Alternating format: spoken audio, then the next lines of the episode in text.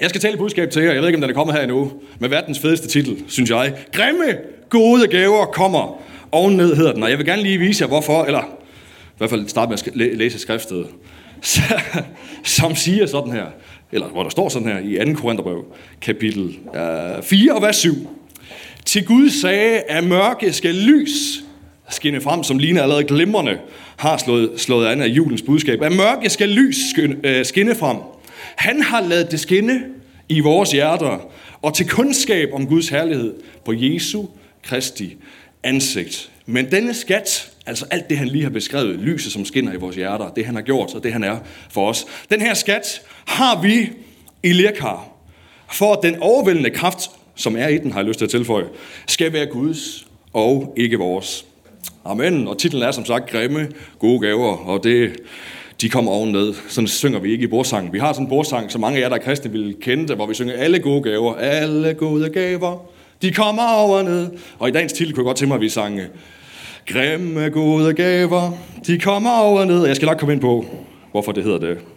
Det er dybest set kun for at fange din opmærksomhed.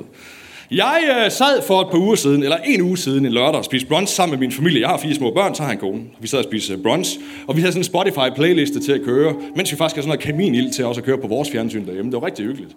Og der kørte sådan nogle julesange. Og øh, den, den, på et tidspunkt, efter vi havde hørt en hel del julesange, og vi havde fået noget at spise, og vi sad bare og drak det sidste sådan dråber kaffe, så øh, kom der lige pludselig en julesang frem, som mange af jer vil kende, der hedder Jule, Jeg så julemanden kysse mor. Den titel den er så lang på en sang, og man ved næsten ikke, hvordan man skal sige det vel. Tænk, hvis det var en ny sang, og du skulle præsentere den for nogen, og sige, kender du den der, eller har du hørt den der nye julesang, Jeg så julemanden kyssemor? Jeg ved ikke, hvordan du vil sige det, eller vil du sige det rigtig langsomt?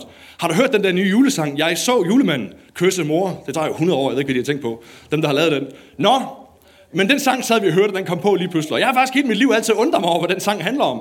Og den her lørdag morgen, der, der, der blev jeg faktisk på grænsen til forarvet over det. Jeg sad sammen med mine børn, den sidder og kører, og så synger hende der, Anne Grete Vinter, eller hvad hun hedder, at jeg så julemanden kysse mor. Hun blev ikke engang syv over det. Og jeg tænkte på det der lille barn, dreng eller pige, eller hvad han nu er, som står og ser det skrækkelige, at der kommer en fremmed mand ind og kysser hans mor. Og jeg sad og blev farvet og slog væk fra den og tænkte, det skal vi da ikke sidde og høre. Hvorfor har jeg hørt den hele mit liv? Hvorfor ved jeg overhovedet, den eksisterer? Det burde have luet ud i mit liv. Jeg kan ikke sidde og høre den slags utroskab her midt i julen. Det var jeg syv år og slog videre til næste sang. Senere på dagen, var vi ude og gå en tur. Det gør vi tit efter aftensmaden, så putter vi noget tøj på vores hyperaktive børn, så går vi en tur ude på stierne. Og den her aften, som vi var på vej hjem, så tog jeg mig selv at gå og nynne den her melodi.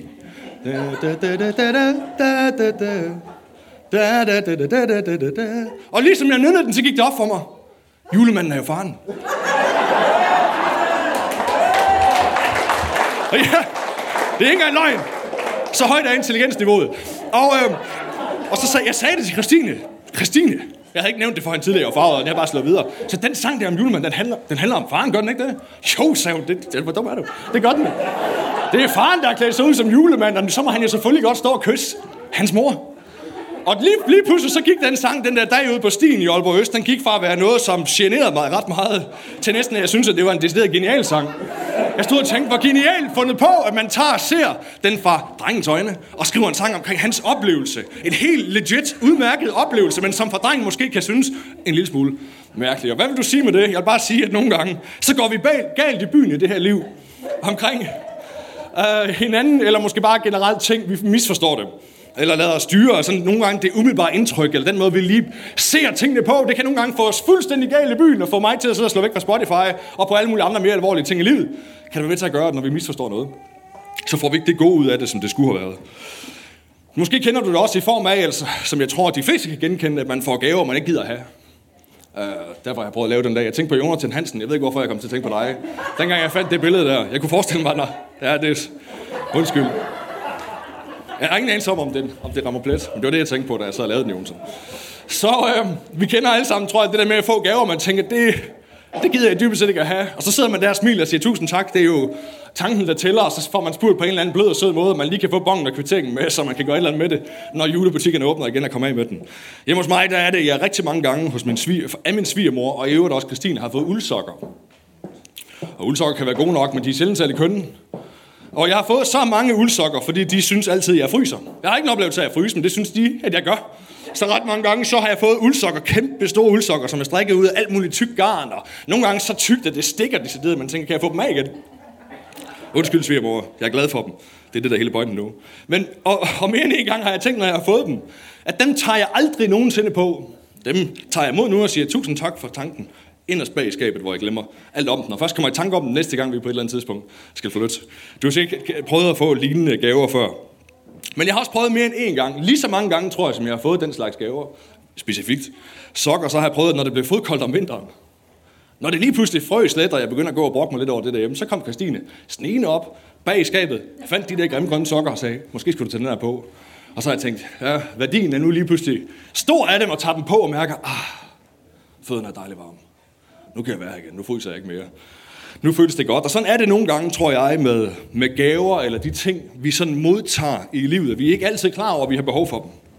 Så lidt ligesom med den der sang, som er et fjollet eksempel, så er vi ikke altid klar over, at der faktisk måske næsten kan gemme sig noget genialt inde i det, som vi oplever umiddelbart som noget stødende næsten.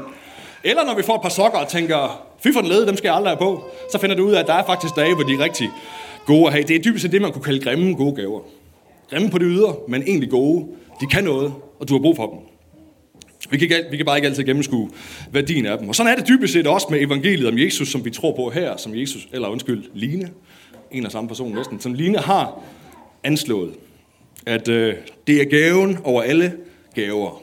Else, hun, Else Marie, som var på scenen med børnene tidligere, hun prædikede om det for to uger siden, da vi startede vores adventsgudstjenester, at han er gaven over dem alle sammen. Den vi har allermest brug for, den som alle mennesker har brug for at modtage i deres liv, det er Jesus Kristus. Det er julebudskabet. Til således elskede Gud verden, at han gav. Gav en gave. Men for mange af os, så kan vi have svært ved at se værdien af den der gave ind i vores liv. Og det kan være, at du sidder her i dag, og det er sprit nyt for dig overhovedet at høre det her omkring Gud og Jesus og sådan noget. Og så kan du sidde og tænke, hvad er værdien af det for dig? Og jeg er der jo nogle gange selv også. Der sidder faktisk dybest set ikke ind i det her rum, som ikke nogen gange kan tvivle på, er, kan det her noget ind i mit liv? Er det relevant? I den her krise, jeg står i lige nu, i det her, som er så svært at holde fast i lige nu, er Gud, Jesus, det der gode budskab, kan det noget? Har det nogen? Er det en god gave til mig i den her tid? Og det tror jeg faktisk, de her ord, vi læste om, vi læste i starten fra Paulus, beskriver lidt indirekte, hvorfor vi har det sådan med nogle ting. Og specifikt måske med hinanden, som lidt af mit overordnede tema i dag, at vi er i os selv som mennesker gaver til hinanden. Han skriver omkring den her skat i lærkar i de vers, vi læste. Og sådan en kontekstbeskrivelse, bare ganske kort omkring de her vers, sådan, hvad de egentlig handler om. For jeg vil bare lige bruge en lille sætning derfra. Men den sådan egentlige betydning af de vers og kontekst for det er, at Paulus han beskriver, at Gud nogle gange lader os være i kontakt med vores egen skrøbelighed og svaghed. Vores egen grimhed, kunne man næsten sige. Det ægle, der nogle gange også er i os, og alt det, vi ikke formår at lade os være i kontakt med det, for at den skat, som han er i os, altså har placeret i os, ikke skal lede os til alt for store tanker omkring os selv. Fordi når Gud gør noget godt, eller når han lægger nogle gaver ned i os, eller får os til at lykkes med noget, lader os lykkes med noget, så er det rigtig nemt som mennesker at give sig selv æren for det. Det er jo ikke bare inde i en kirkesammenhæng, det er sådan, sådan er det alle steder. Med alting.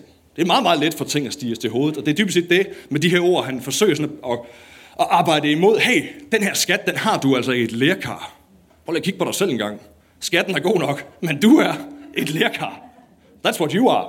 Et lærkar. Og øh, derfor kalder han os det. Det er dybest set det, han taler om, at du og jeg, at Gud har givet os den vildeste gave overhovedet. Gave, gaven over alle gaver. Og så har han lagt det ned i det, som han kalder et lærkar. Og uanset om du har styr på, hvad et lærkar er eller ej, det er dybest set ligegyldigt, så er det meget, meget det er et billede på en skrøbelig beholder. Et ikke altid så køn beholder. Det er i hvert fald ikke den, du stiller frem i dit vitrineskab derhjemme, for at alle skal kunne se den beholder type. Det er en helt anden type type beholder.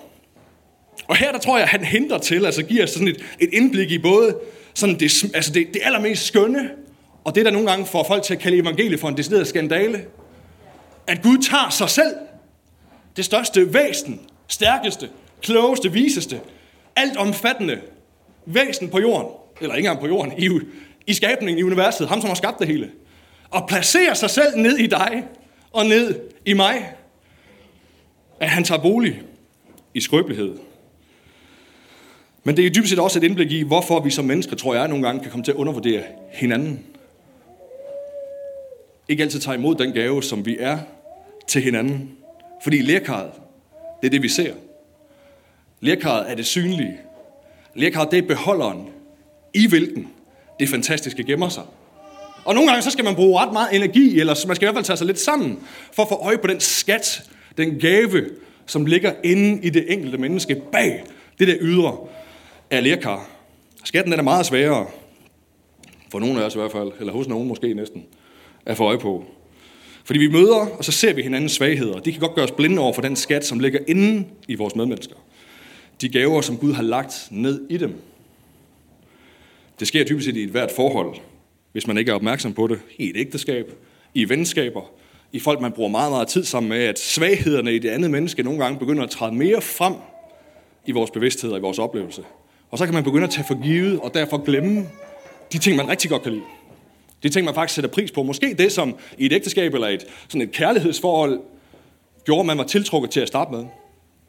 I kan ryge i baggrunden, fordi man får for meget opmærksomhed på, at Silas ikke får lagt sin strømper på plads, at underbukserne heller ikke er lagt på plads, og alt det andet, som man kan se som skrøbelighed. Lirkaret træder frem, og hvorfor, hvorfor sker det?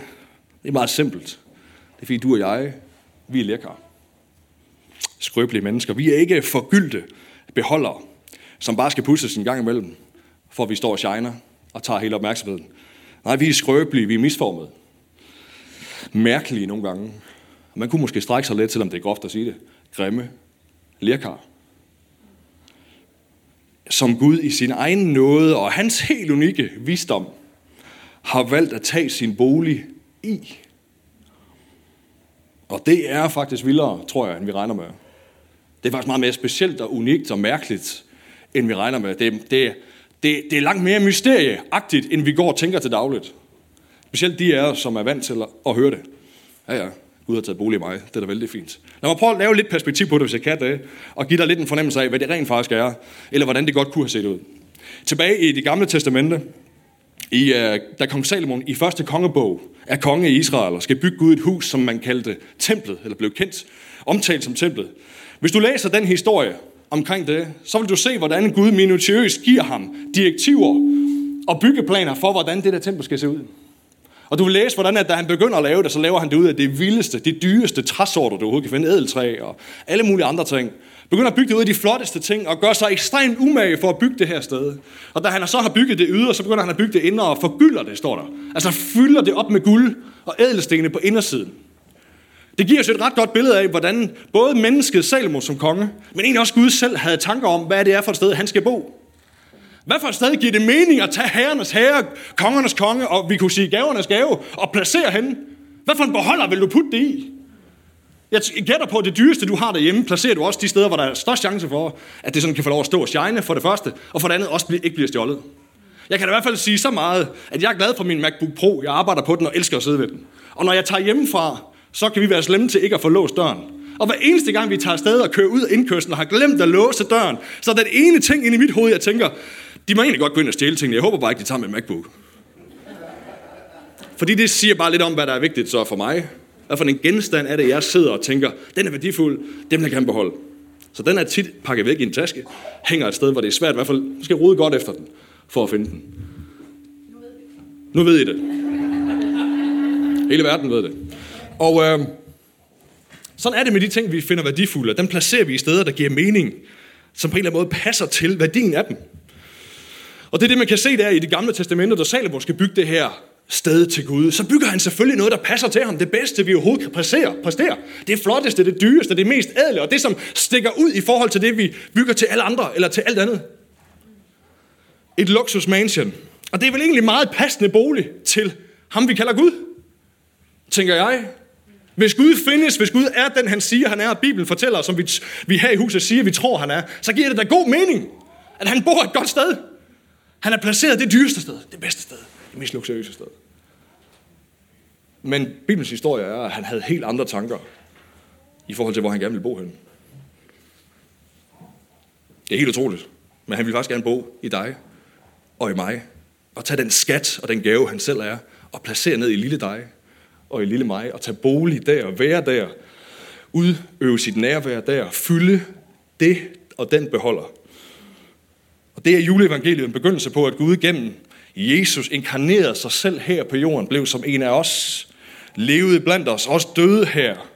Og så til sidst så farede han til himmels, men kun for egentlig at vende tilbage igen i skikkelse af Helligånden, en anden del af det, vi kalder træenigheden. Så han kunne være bo i os. Tag bolig i os, som Jens, Henrik, eller undskyld, Jens Erik prædikede om i sidste uge, at hvis Jesus havde været her som person, så var vi begrænset til, at alle dem, der kunne komme til ham, ville kunne tale med ham. Men i det, han sætter heligånden, som kan være alle steder på én gang, så kan han bo ind i et hvert menneske, som vil tage imod ham. Han kan være alle steder. David Dahl kan få lov at tale med ham, og gøre det ofte. Og du kan også, samtidig med. Det er vildt. For en, en iboende skat, en gave, som bor placeret i et lærkar. At kongernes konge bor i et lærkar. Men den der iboende skat, fantastisk som den er, når vi får lov at modtage den, og livsforvandlende som den også er, den er ikke kun til eget brug. Skatten i dig er dybest set af Bibelens budskab, budskab en skat og en gave til mig, som skal flyde videre til mig og til andre. Paulus han udtrykker det sådan her i næste skrift, der vi skal læse. Efeserbrevet kapitel 4, vers 7 vers, øh, til 9. At hver enkelt af os har fået nåden, det er det vi taler om, nåden, altså har modtaget Jesus iboende, som gave tilmålt af Kristus. Og derfor hedder det også, at han er steget op til det høje, og ført fanger ned. Han har givet gaver til menneskene. Men at, men at han er steget op, hvad andet betyder det, end at han også er steget ned til den lave jord. Han, er, han som er steget ned, er den samme, som også er steget højt op over alle himle, for at fylde alt. Der har du det dybest set med den lille linje, at han har givet gaver til menneskene. Du har det sort på hvidt. Gud giver gaver til mennesker. Det sker, når nåden i Jesus, når et menneske, og menneske modtager det, tager imod det, accepterer ham som herre og frelser i sit liv, så flytter, der, så flytter der den ultimative gave ind, men også en hel masse flere gaver. Vi skal kigge på det lige om lidt. Han flytter ind i det lærkar, og gaven, eller den her skat, kan gives videre til andre mennesker.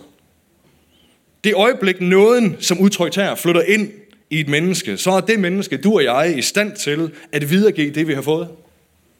Det er rent faktisk vores opgave i livet. Det er egentlig det, Gud forventer af os derefter, at give videre det, han har givet til os. Du har fået det gratis, giv det væk gratis, siger Jesus på et tidspunkt. Elsk, som jeg har elsket jer. Vi elsker, fordi at han elskede os først. Hele det nye testamente og al Jesus undervisning peger på, at det, som han, det, han gør for os, er meningen, at det skal flyde videre til andre mennesker. Og således bliver vi gaver til hinanden. Og hvorfor er det så sådan? Hvorfor kan jeg ikke få lov til bare at være mig selv og relatere til Jesus sådan her? Hvad kalder man det? Vertikalt. Hvorfor skal jeg have horisontale relationer? Hvorfor har jeg brug for de andre? Hvorfor kan jeg egentlig ikke bare sidde derhjemme og være online med mig selv og følge gudstjenesten der? Eller have mit lille fællesskab derhjemme, hvor dem, der lige passer mig, som tænker akkurat som jeg gør, vi kan kalde os selv for kirke. Det kan du, fordi Gud han giver ikke så mange gaver til et menneske. Han giver ikke alt af sig selv til et almindeligt, skrøbeligt lærkar. Han giver os alle enkelte gaver, som er gavn, til gavn for andre, for at vi skal leve, for at det skal tvinge os til, kunne man sige, enhed og afhængig af, afhængighed af hinanden. Og det er mega irriterende, men det er ikke så unormalt. Du kender det jo på arbejdspladsen, i skolegruppen, i studiegruppen, at der finder man jo ud af, at man har brug for nogen, der kan noget andet end det, man selv kan. Det er derfor, der er noget, der hedder en sælger, og noget, der hedder en administrator. Der var der noget, der hedder en direktør og en bogholder. Det er dybest set lidt et udtryk for det samme. At du kan ikke det hele. Du kan helt sikkert noget, men du har brug for de andre for at få det hele til at fungere. Og billedet er ikke anderledes, når, du, når vi har med kirke at gøre, Guds rige at gøre. Det han gerne vil gøre igennem os. At vi har brug for hinanden. Jeg er en gave, og Gud har givet mig noget, som jeg ved, at når jeg har med mennesker at gøre, og måske en dag i det her øjeblik, så gør det noget ved nogen. Men det samme er du. Når man møder dig. Det er ikke sikkert, at du nødvendigvis skal stå her. Men der, hvor du er, måden du taler på, måden du tænker tingene på, måden du, når Gud siger noget til dig, at det bliver filtreret ind igennem dit hoved og kommer ud på, det kan noget. Det er en gave til andre mennesker. Sådan er det. Og derfor så, for at jeg ikke skal tænke højere end mig selv, så giver Gud ikke mig det hele. Tværtimod så siger han, du er bare et lirkar, som har fået, ja, den store gave, og så nogle andre gaver, som skal flyde videre til andre mennesker. Fordi som der senere står, hvis vi læser lidt længere i det samme vers fra Efterbrevet kapitel 4, så beskriver Paulus, at målet med vores fællesskab med hinanden er det, han kalder Kristi fylde. Jeg har lyst til sådan at lave det om til at sige hele billedet af, hvem Jesus er. Hele billedet af, hvem han er, med alt, hvad han kan, med alle hans facetter, med al hans skønhed, med al hans storhed, kraft, det hele, kærlighed. Hele billedet, det får vi kun lov til at se, i det alle arbejder med. Derfor elsker jeg også nogle gange, når der er kirker, der kalder sig selv for mosaik. Det her udtryk for, at en musik består af, ligesom et puslespil, af brikker eller sådan små stykker, der bliver sat sammen, og så giver et helt billede. Det er det, der er hele pointen med, at han har givet dig gaver. Han har givet mig gaver. Han har givet dig gaver. Alle herinde gaver, funktioner, evner, talenter, som du kan bidrage med, der gør, at vi tilsammen kan komme tættere på, at man kan se det hele. Det opnås kun i fællesskab. Kristi fylde, det fulde, det fulde billede. Alt, hvad han er, det får vi kun at se, når vi anerkender og modtager hinanden som gaver til hver især. Det kan være svært, men ikke desto mindre er det det, der er målet. Det, der er meningen. Romerbrevet kapitel 12, vers 6 siger, at vi har forskellige nådegaver. Det er igen Paulus. Vi har forskellige nådegaver, alt efter den nåde, vi har fået. Vi har forskellige nådegaver. Det betyder dybest set, at når Guds nåde når dig, og du modtager den, så den måde, den, kommer, den flyder igennem dig på, det er den nådegave, Gud han giver dig, eller de nådegaver, Gud giver dig. Det er, det er lidt ligesom, hvis du hælder fars ned sådan en, hvad kalder man sådan en maskine der, hvor man øh, putter kød ned i, og så laver man fars ud af den. Ja, ja, kødhakker. Hvis nu et bedre billede. Så jeg har sådan en sprinkler derhjemme i haven, som jeg sætter på min vandslange udenfor, og så kan jeg stå og sprøjte min... Jeg græsplænen burde jeg sige, men jeg sprøjter egentlig mest på mine børn. Og øh, der, der er otte forskellige måder, jeg kan dreje den på, alt efter hvordan jeg drejer den så kommer strålerne forskelligt ud. Så jeg kan lave sådan en, der ligner et brusebad. Den er dejlig at stå under. Så kan jeg også lave sådan en, hvor den, hvor den fokuserer alt vandet lige igennem et lille tyndt sted. Og det kan virkelig få børnene til at få fart på, hvis man skyder med den. Det er dybest set lidt det, man kunne sige et godt billede på, sådan, på nådegave, eller når nåden strømmer igennem os. At det ser forskelligt ud, når Guds nåde når mig, og når den når Line. Men det er nu engang stadigvæk nåden, der flyder igennem. Det kan bare noget forskelligt. Så drejer man lige lidt på det der hoved der. Og så siger han, Silas, jeg ved ikke, hvad han er. Brusebadet. Og nogen ryger igennem. Og Line, den der, der rammer hårdt. Hvad er det krav? Den, der kilder lidt, som man begynder at grine.